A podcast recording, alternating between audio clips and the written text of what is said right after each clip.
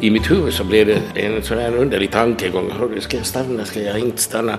Jag tänker alla de här personerna som eh, försöker få bort en diktatur och, och jag sitter här. Och, så det, var kanske den anledningen som gjorde att jag, att jag beslöt liksom återvända till Spanien.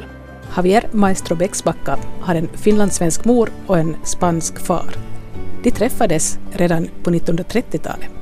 Idag är det kanske enklare liksom att, att man träffar en, en person som kommer från, från fjärran land som, som Finland.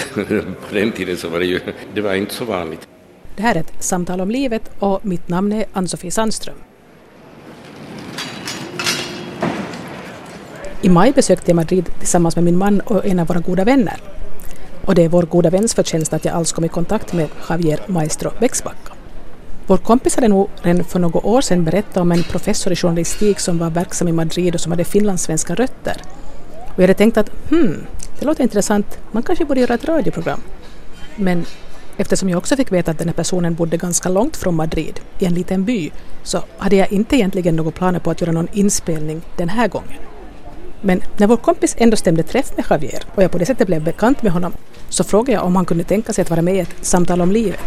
En av de saker jag gärna ville veta mer om var hans politiska engagemang under Franco-tiden. Jag blev eh, två gånger eh, fängslad på grund av att jag protesterade mot diktaturen. Och så vill jag gärna också veta mer om hans privata konstmuseum i byn Atienza. Nej. Nej, vi kom ju upp precis. Javier kom till vårt anspråkslösa pensionat vid Puerta del Sol en fredag förmiddag. Nu lämnar jag er i fred så ni får jobba. Ska du till landet idag sen? Jo, just det. Jag lämnar vanligtvis bilen ute på landet Ja, för att det är så svårt att parkera här Ja. och det är ganska enkelt att ta buss eller, eller tåg hit. Så. Bra. Ja, men vi återkommer. Ja, ska ta här. Men min svenska är så dålig nu att Alltså du talar svenska. Ja, skulle- men- Man skulle inte ens märka att du inte... för att komma på alla de där ord så... Nej, men du ser du på spanska så hittar vi på vad det är. Jag heter Javier Maestro Bäcksbacka och de här familjerna med Bäcksbacka är kanske välkänt i, i Finland. Min mor hon föddes i Helsingfors. Hennes far var Leonard Bäcksbacka som grundade konstsalongen för hundra år sedan. Och det är liksom min förankring till Finland. Javiers mamma var konstnär och hette Irina Bäcksbacka. Hur kom det sig då att hon träffade och senare gifte sig med Manuel Maestro från Spanien? Jo, jo det, det, idag är det kanske enklare liksom att, att man träffar en, en person som kommer från, från fjärran land som, som Finland. På den tiden så var det ju det var inte så vanligt. Men eh, min morfar så, var- han var ju mycket intresserad i konst och Spanien lockade honom mycket därför att det fanns massor med antikviteter på 30-talet så att jag tror att han har rest ett par gånger. Och den gången som, som min mor träffade min far, så det var, jag tror att det var 1935. Alltså, Hon reste med sin pappa då. hon reste med sin pappa, hon var bara 15 år. Då reste de från Finland till Madrid tror jag och därifrån till Toledo för att se, det, det var ju någonting man måste se. Och, och min far råkade vara då en guide där på, i Toledo och, och det var på det viset som, som de eh, såg varandra och Var de ungefär jämnåriga de? Nej, nej, nej, min far var, var tio år äldre. Vad hände sen? Så de brevväxlade. Min mor, hon, är, hon är ju, var ju målarinna och, och efter det så, så gick hon till Paris till en ateljé för att bedriva lite mera, utveckla sina konstkunskaper i olika ateljéer. Och där stannade hon, tror jag, i två år. Där träffade hon Tove, Tove Jansson. Och Tove Jansson i sina brev, eh, vad heter det är en bok som, som samlar alla Tove Janssons brev. Ja, visst det finns en sån ja. Och Det finns en sån. Och, och om, du, om du ser på innehållsförteckningen så, så kommer min mammas namn där eh, på sidan, jag vet inte vad, 160 eller någonting sånt. Och där, där säger hon, hon var en mycket söt flicka, men hon hade ett problem.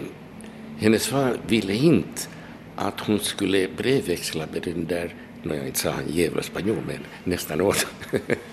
Då tyckte min morfar att vad var det för vits att, att åka till, till Spanien för att träffa den här spanjoren. Så han var inte riktigt helt för det här förhållandet? Nej, nej, inte alls. Nej, nej, nej. Men inte ville han liksom vara riktigt emot det för att eh, han tyckte att eh, nu måste ju min, min dotter ha en viss frihet att, att avgöra vad hon vill. Göra med Så sitt liv. hon brevväxlade då med din pappa i många år? Jo, i många, i, nästan i fyra år, därför att eh, då, då bröt ju spanska inbördeskriget 1936, alltså ett år efter. Och då kom de överens att om de skulle leva tillsammans så måste det vara efter det där inbördeskriget. Så, så blev det. 1940 så gifte de sig i Helsingfors. Och då, och då blev det underligt för att min mor var ju lutheran och min far var ju katolik. Och då, då fick de liksom gifta sig enligt den katolska kyrkans, jag vet inte vad. Och, och hon, hon fick liksom enligt eh, spanska, den spanska lagen, om, om hon ville gifta sig med, med min far så måste hon låta bli vara lutheran och bli katolik. Alltså det var, det var någonting alldeles hemskt. Ja. Och, och det där, nåja, på något vis så, så gjorde hon det och så, så gick det. De flyttade till, till Madrid. Men talar din mamma spanska? Franska var, var, var språket de talade i början, men sedan så lärde hon sig spanska och sen dess så, så brukar de alltid tala spanska tillsammans. Jag är äldsta barn, 1944. Men tidigare så hade hon också, men de överlevde inte liksom födseln. Och, och, och sen tillsammans så var vi fyra, två flickor och två pojkar.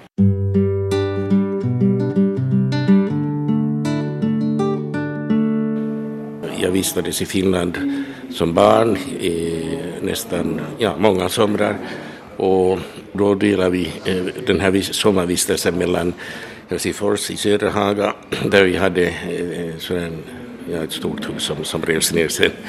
Många eh, trodde att det var kyrkan, men det, det var ett stort hus därför att min morfars far han var byggmästare och var med och byggde Ateneum på, på den tiden, alltså slutet på 1800-talet.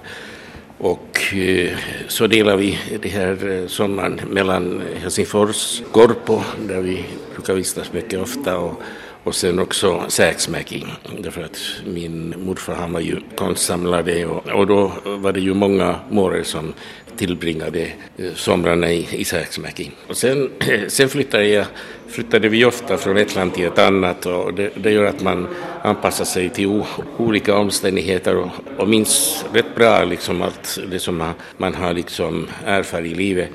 Till exempel när jag var fyra år gammal så, så reste jag tillsammans med min familj till Förenta Staterna därför att min far blev utnämnd eh, pressattaché vid eh, spanska ambassaden. Han var förstås eh, frankist på den tiden. Och de här, så stannade vi där fyra år och det var sen två år som mina föräldrar skildes på 50-talet och då reste min mor tillbaka till Finland med oss alla och min far blev där i, i Förenta Staterna. Sen efter två år så var de igen tillsammans. Så att, De gifte sig och skilde sig? Eh, eh, skil- de, Ja, var, de var skilda. De, de separerade? liksom. Separerade, just det. Så att, och och då, då var vi två år i Finland. Alltså, då hade jag en syster, en bror. Och det var underligt att komma till Finland. Det var lite annorlunda än, än Förenta Staterna. Därför att Förenta Staterna var sådär. På den tiden när jag var liten så, så kom alla grannar och, och besökte oss och, och bjöd oss eh, hemma till dem. Och det var förstås eh, i Washington DC, ett ställe som, som hade egna hus och sådär, så att det var lite annorlunda. Men ändå, och där fick jag också känslan att, att det fanns inte eh, nå, det fanns inte en så stor skillnad mellan pojkar och flickor som i, som i Europa, eller i alla fall i Spanien. I Spanien var det ju markant. Flickor ska till flickskola, pojkar till pojkskola och så vidare. Och där så hade jag, vi var bildat sådär ett litet gäng, eh, vi var jämnåriga sådär 7, 8, 9 år. Och min bästa vän, så det var en flicka. Jag minns hon hette Catherine, men jag kunde inte uttala hennes namn, så hon blev Gasoline därför. Man kunde eh, bilda vänskap med vem som helst, alltså det var ganska nära på något sätt. Och då kände jag mig att nåja, Förenta Staterna är någonting att ha som förebild. Och när vi kom till, till Finland så var det eh, väldigt roligt därför att där på, på i Söderhaga så fanns det ett litet berg där i tomten och, och då hade vi sådana här cowboydräkter som vi satt på, både min bror och jag och, och började skjuta på sådana här pistoler. Och då var det alla grannar, i synnerhet barnen, som de menade vad är det där för personer som skjuter där på berget. Så, så de alla satt, där, satt de där ute i fönstret och tittade. Eh, det här var kanske någonting som, som vi lade märke till, men Finland var, ja, vi, vi, kunde ju inte tala finska så det, det var ett hinder att tala med andra personer men där stannade vi två år och sen återvände vi till, till Spanien. Och det här betydde att eh, vår skolgång var avbruten liksom ständigt. Liksom varannat år så, så fick vi byta skola och vänner och allting. Så att det gör att man anpassar sig ganska väl till, till bytande omständigheter. Så återvände vi till Spanien här gick, gick jag genom eh, skolgången och på den tiden när jag var sådär 15 år, eh, 16 år så eh, tyckte jag nej, inte tycker jag om det, det här landet.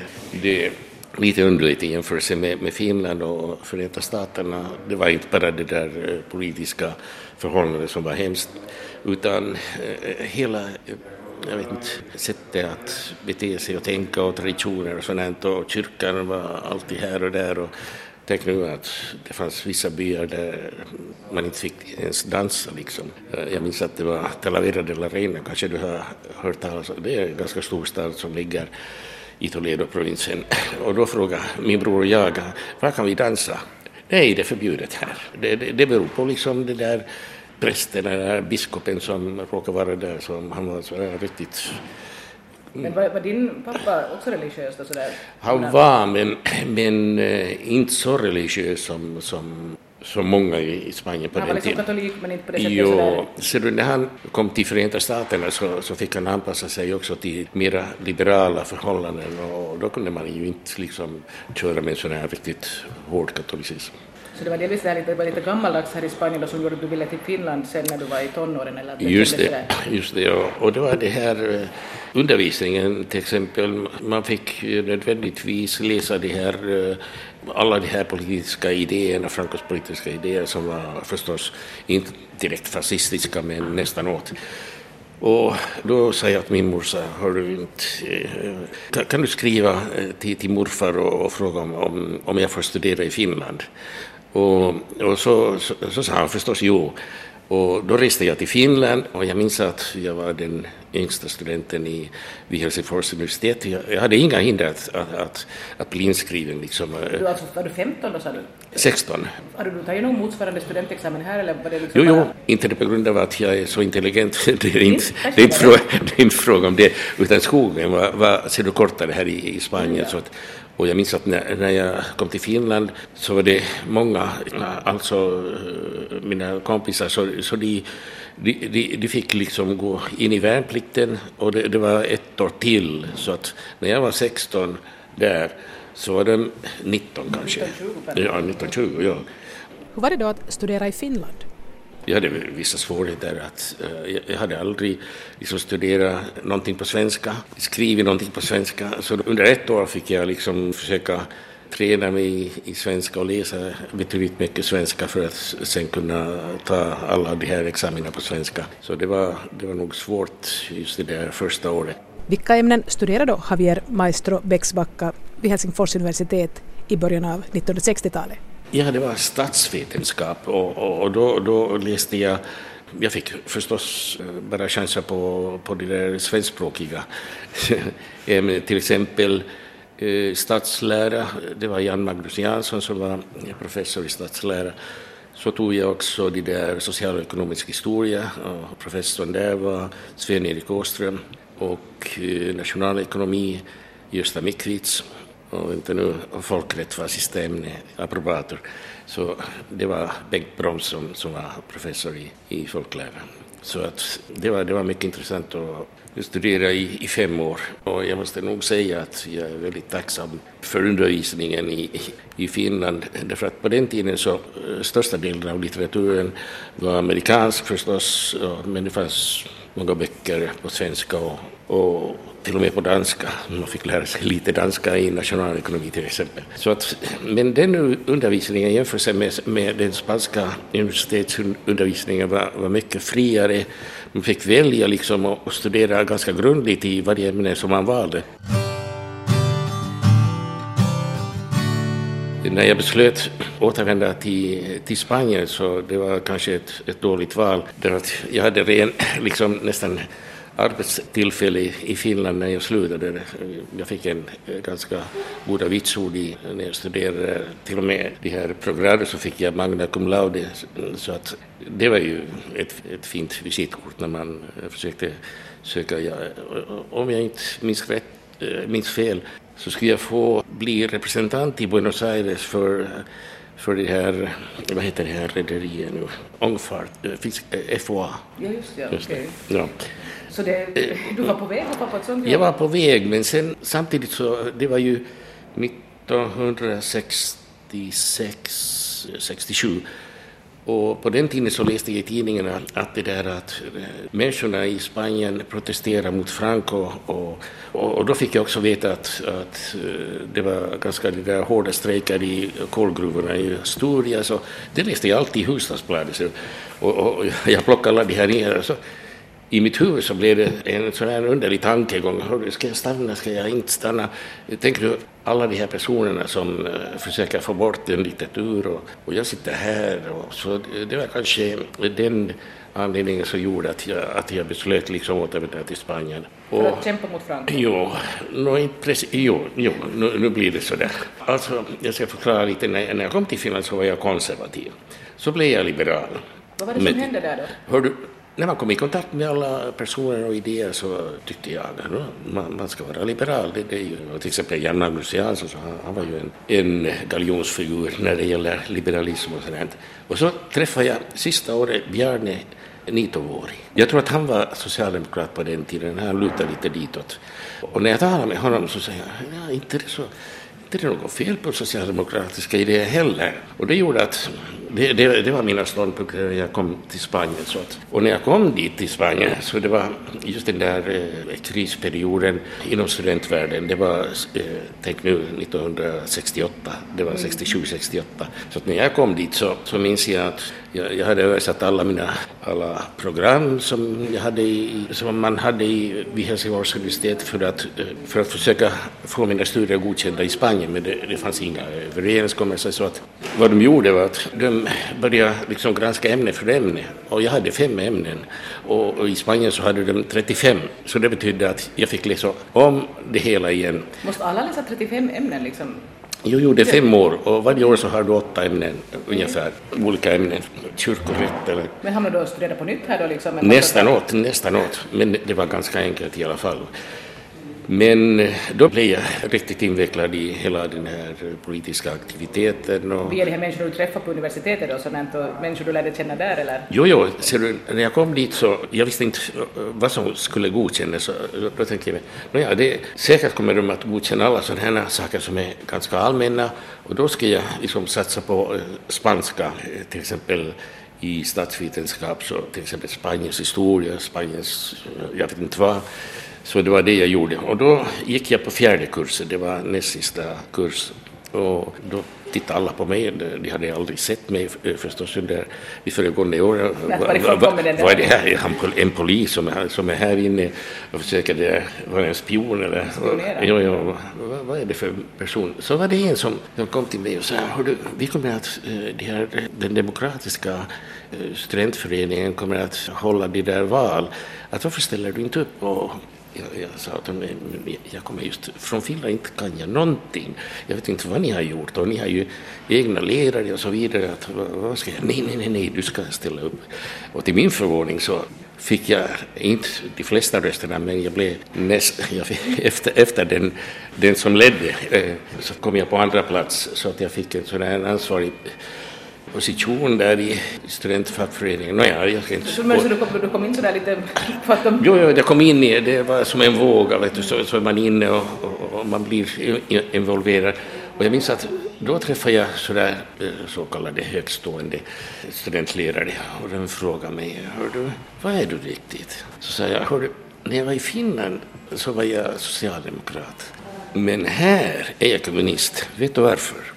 Därför att sociala skillnader är så stora att då måste jag också ändra på, på mina politiska graderingar. Och då skrattade de. Och då skrattade de och sa, åh, titta vad han, vad han säger. De tyckte att det var ganska sådär underligt för att ingen skulle säga något liknande.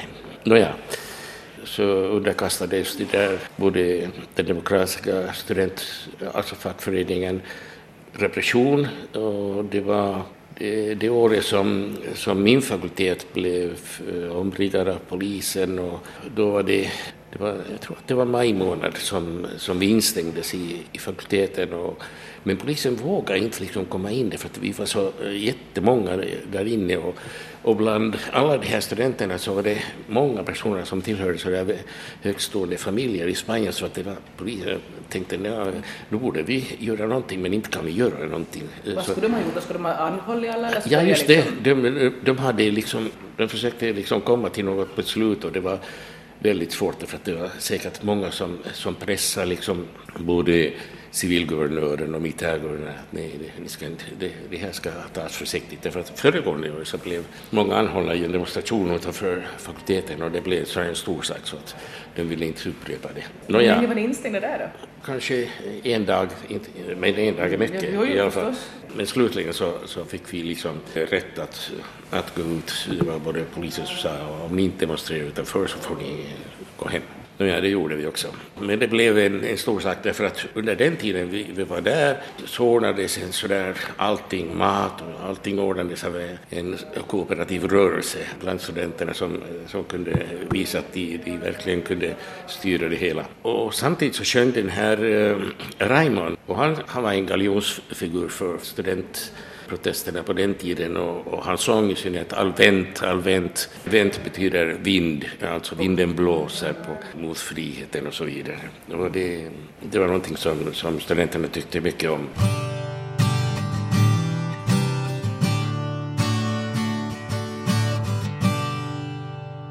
Du sa att din pappa var frankist och sen for du till Finland och du ändrade åsikt. Ja. Alltså, var han medveten om hur pass engagerad du var på den här motståndarsidan så att säga? Jo, jo, jo han visste precis. Nåja, jag försökte aldrig berätta allt för honom. Alltså det, det kom med tiden så fick han veta allt jag gjorde, till och med när jag blev eh, två gånger eh, fängslad på grund av att jag protesterade mot, eh, mot diktaturen. Första gången var det 1971 när när diktaturen kom med, med en lag som inskränkte tryckfrihet Ja, inte fanns det någon frihet alls, men med alltså... Alla, inskränkte den i alla fall. Inskränkte liksom pressfrihet, uttrycksfrihet och, och rätt att samlas och, och bilda föreningar. Det, det var liksom huvudtema. Och det inskränkte så mycket att, att studenterna började protestera med flygblad och jag, jag blev, de anhöll mig när jag, när jag slängde flygblad i, jag vet inte vad, i en eh, studentsimbassäng eh, på sommaren. Ja, och då fick jag tillbringa tre månader i Carabanchel-fängelse här utanför Madrid. Hur var det då? Hur var det då? Nå, där fick man träffa människor från olika politiska partier, kommunistpartier, maoister och medlemmar från, från ETA, alltså baskiska eh, frihetsrörelse enligt eh, deras mening, och, ja, och andra små, små grupper. Det var mycket intressant och alla, alla hade sin, sin egen kommun. Alltså de, de höll sig som en egen grupp där? Som en egen grupp, ja. Det var Vilken bara, grupp tillhörde du där då? Ja, jag var trotskist på den tiden. Du, det var då, ja, okay. ja, ja.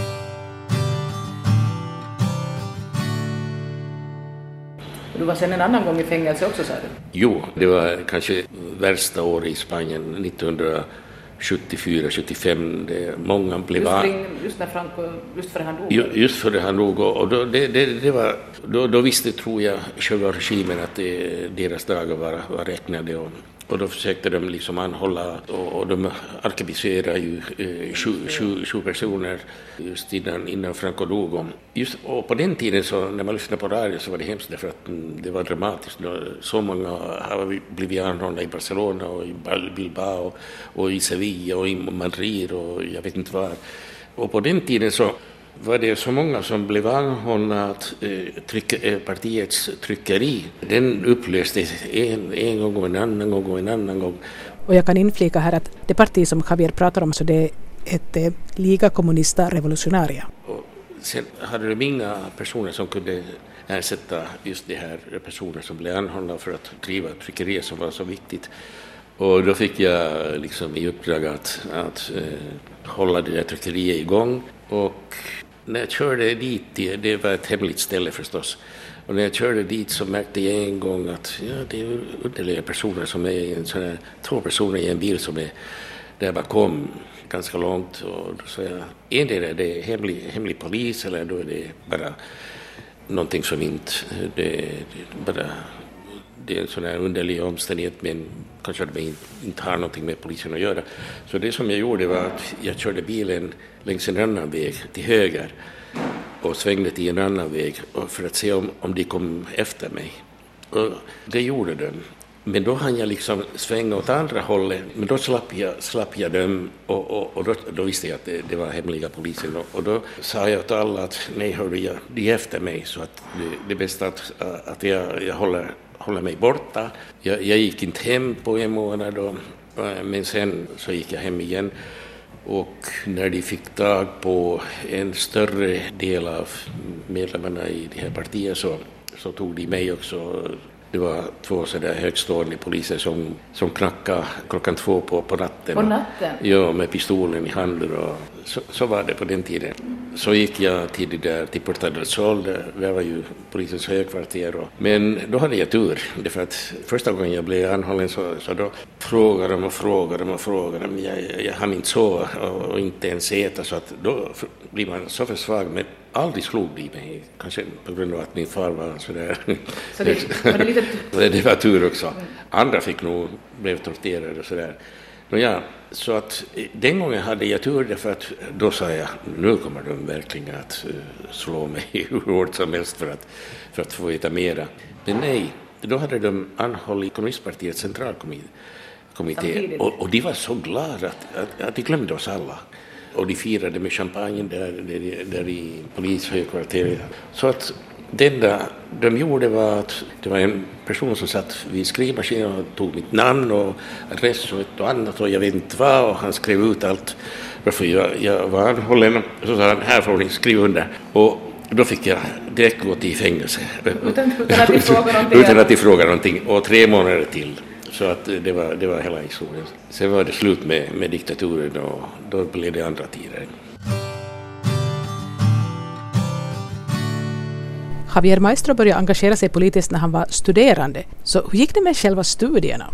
Själv tyckte jag mycket om att, att studera och, och, då försökte jag också på något vis studera och, och, och, vara engagerad samtidigt. Det är väldigt svårt, det, det vet jag, men, men jag slutade mina studier i alla fall 1972, alltså det tog mig eh, två år om man, två år i värnplikt och två år att fullborda studierna. Så att 1972 var jag klar och, och därefter började jag liksom söka jobb. Och då var det svårt och min, min far så han lyckades övertala någon i, i turistministeriet. Alltså turistministeriet på den tiden så det var det var fördelat mellan turism å ena sidan och pressen å andra sidan. Och min far så han, var, han hade inflytelserika personer just i den här pressektionen. Så att, du hade liksom en tjofe? Just det. Var det, det kontakter? Så du kontakterna. Och, och då, då fick jag liksom sitta där i ett, på ett kontor och, och granska alla de där utländska tidningar och göra en, sådär, en sammanfattning av, av vad de sa. Alltså meningen där var förstås att... Uh, censurera? Censurera, ja. Men det visste jag också. Jag kände mig väldigt... Det var ganska obehagligt. Vad, vad gjorde jag då? Jag läste till exempel danska, svenska, norska tidningar. Finska fanns det inte. Och holländska och vad annat, kanske ibland eh, några tyska. Och när jag läste så, så minskade jag liksom allt vad de sa försökte jag minska för att den tidningen skulle komma igenom. Men ibland var det väldigt svårt. Men eh, det, var inte jag som, som beslöt om den tidningen skulle kunna säljas i Spanien, utan det var någon annan, jag vet inte vem. Det enda jag gjorde var att skriva en sån här liten sammanfattning för att berätta lite vad som hände, vad, vad som tidningen sa. Och eh, nåja, där jobbade jag i två år och samtidigt så blev det här eh, Carrero Blanco, du vet, han, blev bombad, han, flög i luften. Det var, det, var det, det var alltså, vilket år är vi på nu? Det var 1900, nej, var det 70 72, 73. Därför så, så lämnade, jag det där, lämnade jag det där jobbet, jag kunde inte stå ut med det. Och samtidigt så råkade jag träffa några personer på universitetet och då skulle det där eh, fakulteten i journalistik bildas och då sökte de olika personer för att, för att undervisa. Där träffade jag en, en professor som jag jag råkade läsa hans böcker när jag var i Finland. Och han skrev om Spaniens historia på ett, på ett annat sätt. Vem var det då? Vem? Eh, Carlos Seco Serrano. Men han skrev eh, boken tillsammans med två andra. Ubieto var ena, Joverva var den andra och han var den tredje. Och, och då tänkte jag, ja, ja, det här skriver man lite på ett annat sätt i Spanien. Det är inte, eh, det är inte som de här riktigt konservativa som jag beskriver historien på ett sätt som, som råkar vara ganska fjärran verkligheten. Så att, ja, då berättade jag för honom att, att jag, alltså jag hade den utbildning jag hade i Finland och, och att gärna skulle jag vilja liksom förevisa i historia eller någonting sånt. Ja, jo, jo, låt mig tänka på det. Så, så, så blev jag liksom rekryterad där i fakulteten och där har jag varit ända tills nu när jag blev när jag gick på pension för eh, ett år sedan. Trots att Javier Maestro Bäcksbacka är pensionär så tycks han nog ganska ofta söka sig tillbaka till sin gamla arbetsplats. Man har den vanan och sen är det också att, att man, man har böcker och ja, ett kontor som man får behålla trots att man är pensionerad och jag är glad för det. Så, att, att så man... du, du sökte jobb på ett ställe och där stannar du hela tiden? Där stannar jag hela tiden, ja. Inget sluttjobbande här inte? Inte så kort tid? Nej, nej, nej, nej. Javier Maestros andra fängelsevistelse höll på att ställa till det för honom. Då fick veta i universitetet att jag hade varit tre månader, alltså det var andra gången 1974, att jag var i fängelse. Och då, då försökte jag liksom få mig bort. Och, och, det var ett äh, möte av det där av, eh, institutionen jag, som jag tillhörde och då fick alla ett meddelande att, att, att de skulle mötas i september. Våra arbetsavtal fick renoveras varje år. Men jag fick aldrig ett brev till det där mötet. Så då missade jag och då, då blev jag ute. Ja. Och vad hände då? Ja, jag blev utan arbete, arbetslös och då fick jag sälja, det kommer jag ihåg. Jag hade en sån här väldigt fin frimärkssamling. För att min morfar, så han delade ut alla frimärken åt oss, åt min bror och åt mig själv. Och då hade vi massor med frimärken från olika länder och det var väldigt bra därför att då lärde man sig en massa geografi, till exempel alla där, eh, engelska kolonier, franska kolonier, eh, delstaterna i Indien och så vidare. Nåja, men sen beslöt jag inte kan jag samla på alla världens frimärken, det är omöjligt. Så att då satsade jag på, på de frimärken som jag tyckte var vackrast och det var Japan. Så då samlade jag på, på japanska frimärken och varje gång jag reste någonstans så jag gick direkt i en frimärksaffär och, och, och letade efter de där ostämplade japanska frimärken. Och då hade jag en väldigt fin samling vet du, när jag var 16 år gammal. Och så att eh, när jag inte hade någonting och jag bröt mina förhållanden med, med, med, min far på grund av mina politiska idéer. Vi hade väldigt eh, Eh, Eh, när vi talade om, om inbördeskriget så hade vi motsatta meningar om, om vad som borde ha gjorts och, och så vidare. Nåja, eh, jag sålde det där eh, samlingen och då kunde jag överleva liksom ett par månader. Och då talade jag igen med den här professorn Carlos Seco och han sa nej, hur kan de bete sig på det viset? På grund av eh, politiska åsikter så får ingen liksom trakasseras på, på ett sådant sätt som de har gjort med dig. Så att han sa, vänta nu, jag ska försöka, just nu kan jag inte eh, hjälpa dig med, med ett arbetsavtal, men om ett par månader så, så är det kanske möjligt. Och det var möjligt och tack vare honom så blev jag återställd igen och studenter var... De, du behövde inte sälja mera frimärken? Nej, nej, jag hade inga mera frimärken. Men studenterna var väldigt vet du, glada, därför att de flesta studenterna visste vad som hade hänt. Men jag ville inte använda dem vet du, emot uh, andra lärare som föreläste i mitt ställe. Vet du. Mm, det, mm. det, skulle vara, det var inte, det skulle inte vara rätt. Men under hela den här tiden du var, var du då singel eller hade du någon flickvän, fru eller något sånt där? Jo, jo, jo. Jag, på den tiden så hade jag, kände jag en... Vid universitetet, hon, hon sjöng, hon hette Klara. Och hon sjöng sådana här franska låtar och protestsånger. Så hon, hon var mycket populär. Och inte vet jag på vilket sätt vi, vi råkade liksom träffa varandra. så blev vi sådär goda vänner och sen, slutligen så gifte vi oss. Och det var, jag borde inte kanske ha gjort det på den tiden därför att det var vi gifte oss därför att uh, hon, hon blev fängslad samtidigt som jag blev, blev fängslad och då brevväxlade vi och, och efter det så... så Första eller andra gången du var fängslad? Det var, vänta nu, det var det, det, första gången. Första gången. Och, och då beslöt jag äh, gifta mig och sådär. Vi hade inga barn och ingenting och, och sen mycket senare så, så hade jag, gifte jag mig om igen. Så att, Hur länge var du gift första gången då? Det var inte länge. Det var äh, två, två år tror jag. Ja. Du var ganska ung då? Jag var ganska ung, ja. Och andra gången var du gift lite längre? Eh, jo, lite längre. Inte Men du är inte nu längre gift? Nej, nej, nej, Nej. nej, nej. Jag har en dotter med, med, med andra giftermålet eh, och hon är nu 23 år.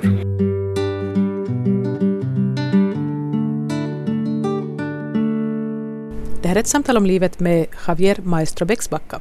Han bor i byn Atienza som ligger ungefär 150 kilometer från Madrid. Det är en medeltida by med bara 450 invånare. Så hur kommer det sig att han bor just där?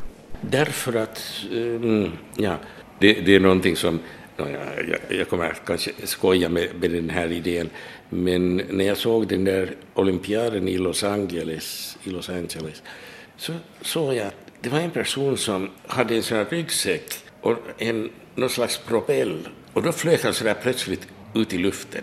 Och då sa jag, herregud, tänk nu, alla kommer att ha en sån här ryggsäck och då kommer man, man behöver inte bo längre i sådana här storstäder, då kan man bo ut på landsbygden. Så tänkte jag, ja, då köper jag någonting på landsbygden. Nåja, det var inte precis den idén.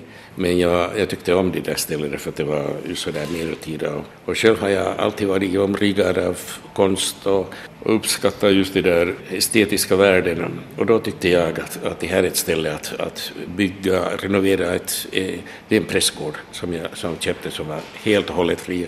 Man fick bygga den på nytt, men, men jag var mycket nöjd därför att då försökte jag liksom bevara just hur det var egentligen, hur den där prästgården Men det var var. inte ett ställe så du hade någon sorts mm, anknytning till? Ingenting, nej, nej, nej, det var alltså där på måfå. Och det är hur långt från Madrid? 150. Ja, ja, så det. Mm, Ska du ha propeller ska det gå snabbt. Ja, det, det skulle gå snabbt, om man inte kolliderar med andra. Ja. Så att jag, Hur länge har du... Har det varit ditt det, ja, eh, 1985. Men när du har jobbat så har du säkert inte åkt varje dag? Nej, nej. Så du har bott också i Madrid? Också i Madrid, ja. Man fick alltid mellanlanda sådär under, under veckan i, i Madrid.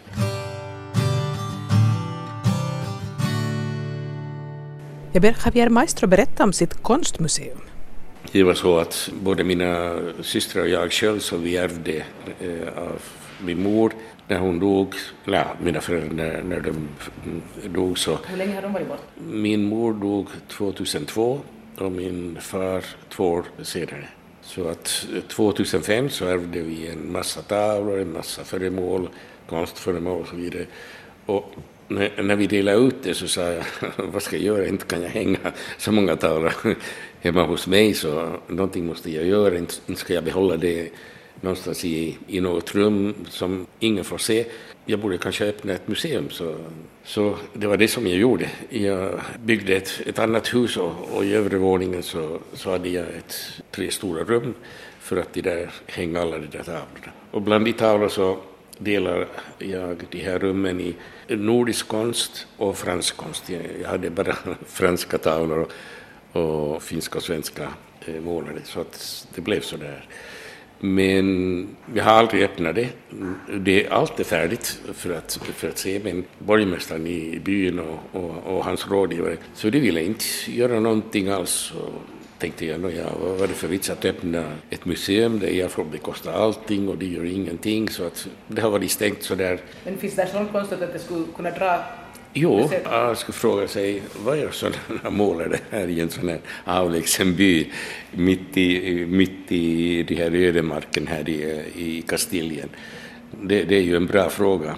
Men svaret skulle vara, "Nå ja, det är ett sätt att berika också konstutbudet i, i den här byn. Därför att byn har tre, tre museer, men det, det är bara religiösa föremål och, och tavlor som, som utställs där i, i olika kyrkor.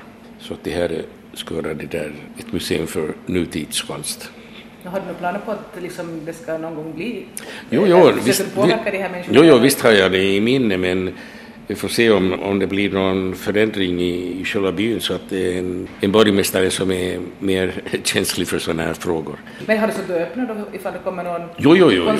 som jo vet om visst, det här? jo, visst, visst, visst. Det, det är ju må- många som kommer dit. Ja, ja, så det är liksom Ja. öppet enligt överenskommelse. Just det. Till exempel eh, många norrmän, som jag känner ju till många på olika ambassader, men norska ambassaden, är, eller människor som är förknippade med norska ambassaden, så de är väldigt villiga att komma dit för att jag har en sån där munk, ett sån där träsnitt, det kanske du känner det där, det är ensamma, det är ett porträtt, eh, mycket vackert. Det är två personer, en kvinna och en man, som man ser baksides liksom. Och de står emot eh, och tittar liksom sådär. Och, och, och du har känslan att de är väldigt ensamma. Och därför heter det också. Så det, det, är, int- det är intressant. Och sen bland de där finska målare så har jag en Sallinen, inte det hans bästa period heller. Mikko Karlstedt, Mauno Markkula, Markus Collin, Grönholm, Paul Grönholm och sen eh, Enkel, Magnus Enkel. Mm, Lite ett och annat. och sen, eh, ja, min mors eh, tavlor också förstås, som är, som är mycket intressanta. Hon målar ju både i, i Finland, i, ute i skärgården i Sääksmäki och sen vinterlandskap och, i Finland från balkongen där i, i södra Haga. Så målade hon förstås mycket i, i Spanien. Då blev det alltid sådär flamencodans och, och andalusiska landskap. Och, ja, Jag frågade Javier om hans mor, Irina Bäcksbacka, fortsatte att måla också efter att hon gifte sig.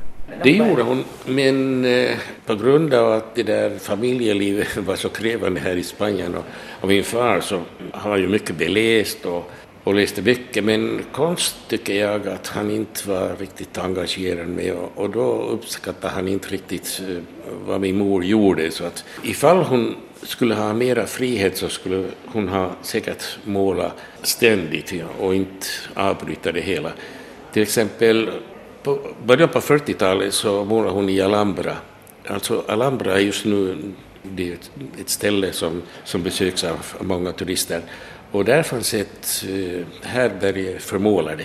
Och där var hon nästan ensam och kunde liksom åka ut till, till väldigt vackra ställen runt om Granada, förutom Granada själv som är vackert i, sig. Och då, då målade hon ganska mycket, både pasteller och oljemålningar och allt sådant. Så att, men sen avbröts den här, eh, hennes målningar på grund av att alla barn, familjelivet och så att det, det, det hindrar på sätt och vis hennes eh, utveckling just i måleriet.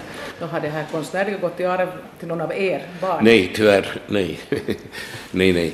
Jag, jag, jag minns att när jag var liten och, och när de bad mig rita i skolan i geografi, historia, så, så sa jag alltid åt, åt, åt min mor, "Hör du, kan du rita det här? och, och, och då märkte jag att eh, själv försökte jag rita och sen, sen kom det där min mor och, och det var det var, det var så stor skillnad att eh, då visste jag att jag hade ingen chans att bli, eh, att ha sam, samma kunskap. Och du sa att ni separerade i något skede, dina föräldrar, var det då för att hon ville ha mera frihet att ägna sig åt sitt, eller var det... Nej, nej, jag tror inte det. Jag tror att det där orsaken var, det var kvinnor som var, som var med i, i pappas liv på den tiden så att det var det som gjorde att uh, min mor sa "Nå, nu räcker det. Nej, men på den tiden så, så var det ganska sällsynt att, att, en, att en finländska som, som min mor eh, träffar träffade någon som kom från ett land som Spanien som låg så långt borta och då, då hade man uppfattningen att, att det var en annan kultur som hade ingenting att göra med, med Skandinavien och så vidare. Och därför var det väldigt sällsynt och det är inte många som, som har sådana föräldrar som, som tillhör två skilda länder. Men nu för tiden så är det ganska vanligt. Men samtidigt så tror jag, jag, jag känner inte till det där statistiken, men, men just sådana här bröllop mellan personer som kommer från olika kulturer så inte går det sådär i längden. Det är någonting som gnisslar och som gör att det inte klickar riktigt. Och det kan ju vara svårt till och med folk från samma kultur. No, jo, jo, jo, förstås. menar, No, ja, det det, det är svårt. Men tänk nu, från en annan kultur så då är det ännu svårare. Men när, när, man, när man frågar människor här i Madrid, som till exempel när man träffar människor på sådana här ambassadsmöten. Som, så där, där träffar man ju många personer som är gifta med, med spanjorer, spanjorskor. Och, och mestadels så, så får man den eh, uppfattningen att det inte går riktigt. Det, det är någonting som, som, som klickar där, vet du. Det kräver nog mycket förståelse från båda hållen, att man faktiskt försöker förstå Jo, jo. var den andra kommer från. Just det, just det. Ja, ja, ja, ja. Hur är det då att forma din identitet? Alltså, vad känner du dig som? Är du spanjor, finlandssvensk, mm, vad som helst, Ja, världsmedborgare?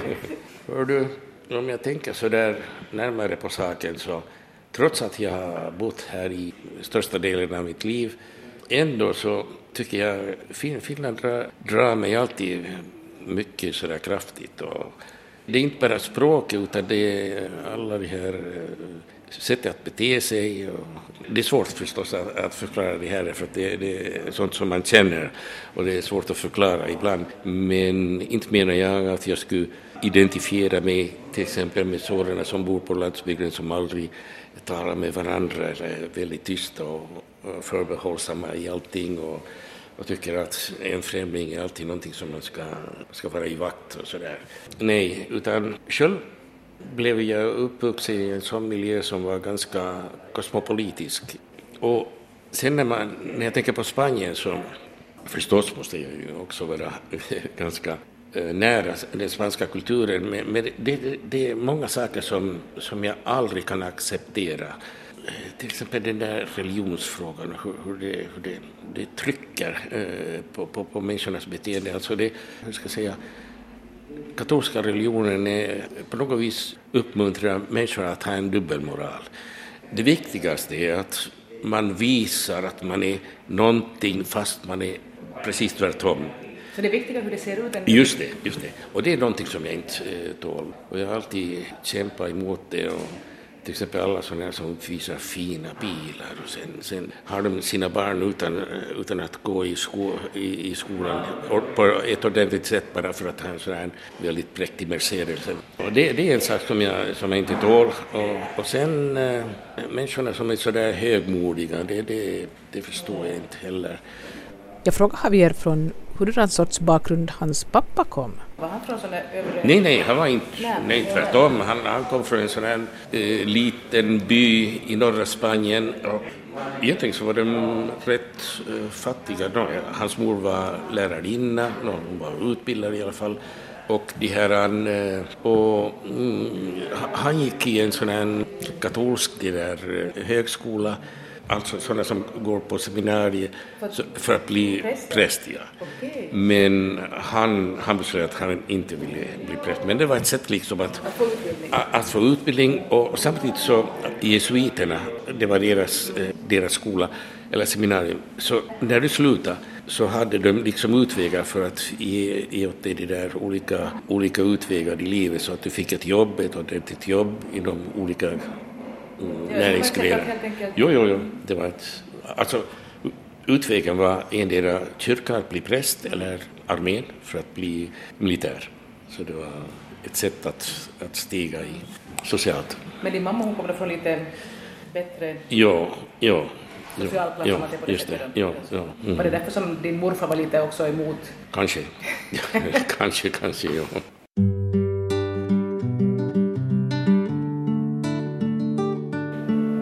Javier Maestro Bäcksbacka nämnde tidigare i programmet att han efter studierna i Helsingfors kunde ha valt att ta ett jobb i Buenos Aires, men istället valde han att återvända till Spanien för att kämpa mot diktaturen.